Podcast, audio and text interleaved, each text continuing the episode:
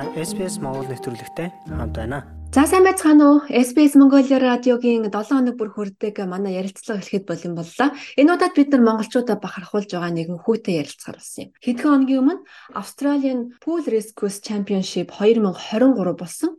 Энэ тэмцээнд монгол хүн маш амжилттай оролцсон. Энэ бол Сидней хотод амьдардаг Батууна гэдэг хүн юм. Тэмцээний ганцааржилсан 3 багийн 5 төрөлд сэлж бүх төрөлдөө өөрийн хувийн амжилтаа ахиулсан. Бас багаараа гурван төрөлд авраг болсон ийм сайхан мэдээ монголчууд бидний чихийг нялаалаа. Ялангуяа Монгол улс бол далайд гарцгүй дэлхийн хоёр дахь том улс.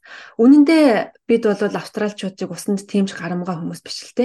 Гэхдээ Монголын тал нутагт төрж өссөн хүү энэхүү Австралийн усан спортод аврах болсонд Австралидх монголчууд бид маш их бахархаж байна. Түүний түүхийг хуваалцахад бэлэн боллоо. За тэгээд Батуунаад үдэ баяр хүргэе. Сайн байна уу? Аа баярлалаа. Энэ ярилцлаганд үүсэнд баярлалаа. Ер нь энэ тэмцээний тухайд дэлгэхгүй юу? Чиний хувьд ямар төрөлтөнд амжилттай оролцсон бэ? Аа би энэ тэмцээнд 5 өөрийнхөө ганцаараа ивентэд орсон. Тэгээд 3 багийн релейд орсон. Тэгээд бүх таван өөрийнхөө хийсэн юмнууд дээр хуучин хийсэн цагаас илүү сайн хийсэн. Тэгээд гурван relay дээр нь болохоор гурван дээр нь бид нэр нэгт ирж ялсан. А энэ миний анхны nationals тэмцээн байсан. Тэгээд энэ тэмцээнд хэдэн 100 хүүхдийн бүгдээрээ Австралийн хүүхдүүд тэгээд би ганцаараа Аз хүүхдээс. Сая гурван төрөлд өөрийнхөө амжилтаа ахиулсан гэсэн ямар ямар төрлөөр яг энэ тэмцээнд орсон бэ? Би багаараа өөрөө relay хийсэн. Тэрний нэг нь болохоор obstacle course гэдэг хоёр хан шиг юмны доогоор 50 м сэлдэг. Хоёр дахь нь болохоор medley relay гэдэг. Тэр нь болохоор би алтаа хүн төлцөн ингээд 50 сэлдэг. Тэгээд гурав дахь нь болохоор 25 м би нуруунд дээр brick шиг юм тавьсан хүнд юм үйлцэн явдаг.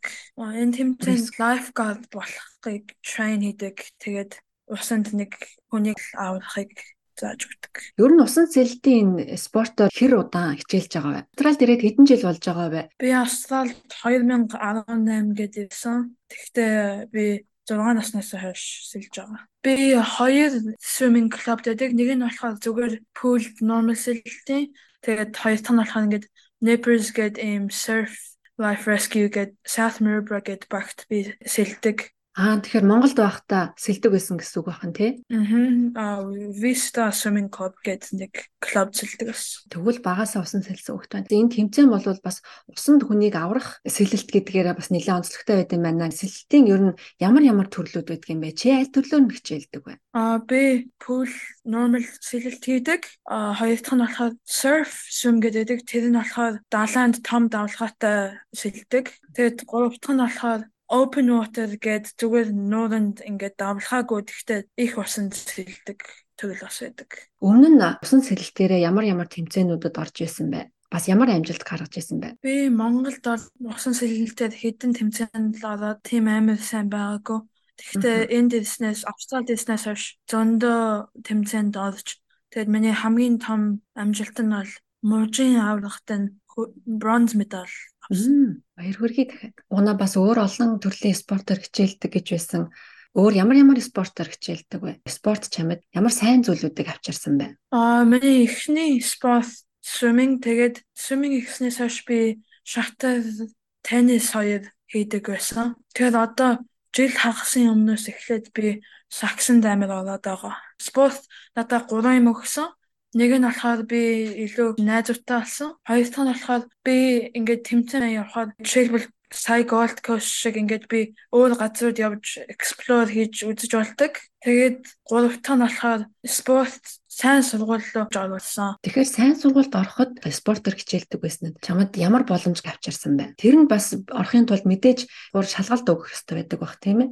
Аа би Randwick Boys High School-ийн Gifted and Talented Education Program сурдаг. Тэрэнд би орох гэж а 6 дугаар ангийн дунд тавиар би хоёр шаттай шалгалт өгсөн. Тэрний эхний шалгалт нь болохоор math English хэлийн шалгалт байсан. Тэгээд хоёр дахь шатанд нь болохоор тэр эхний шатын амжилттай олсон хүүхдүүдийг хоёр захиралтай ярилцлаганд орсон. Тэгэд би тэр хоёр дахь шат руу очсон чинь хоёр захирал нь миний эхний шатын English-ийн оноо амар сайн байсан гэж магтсан. Тэгээд тэр үед бас би энэ бүх спортын achievement-д хэлж тэр надад бас илүү тусалсан гэж бодож байна. Тэгэхээр угнаа цаашдаа ер нь спортоор үргэлжлүүлэн хичээлэх, за магадгүй мэрэгжлийн тамирчин болох талаар ер нь бодож үзсэн үү? Swimming болохоор угийн миний жоохносоо хийжсэн спорт болохоор надаа ингэж achievement-д хийвэл хэрэгтэй гэж боддог. Гэхдээ би өөр хавьд саксын дамд устаагаад болохоор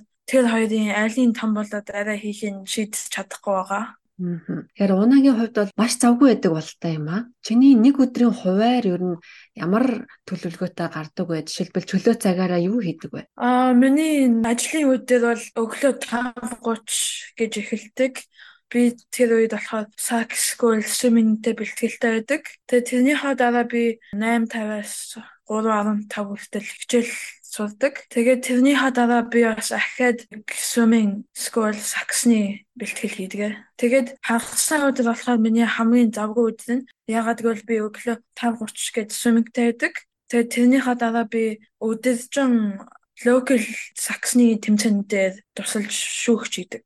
Аа тэгээд тэр өдөр би бас өөрийнхөө саксны тэмцээндээ тоглодог. Тэгэл орой хүртэл тэнд шүүгч байгаа л болчдөг.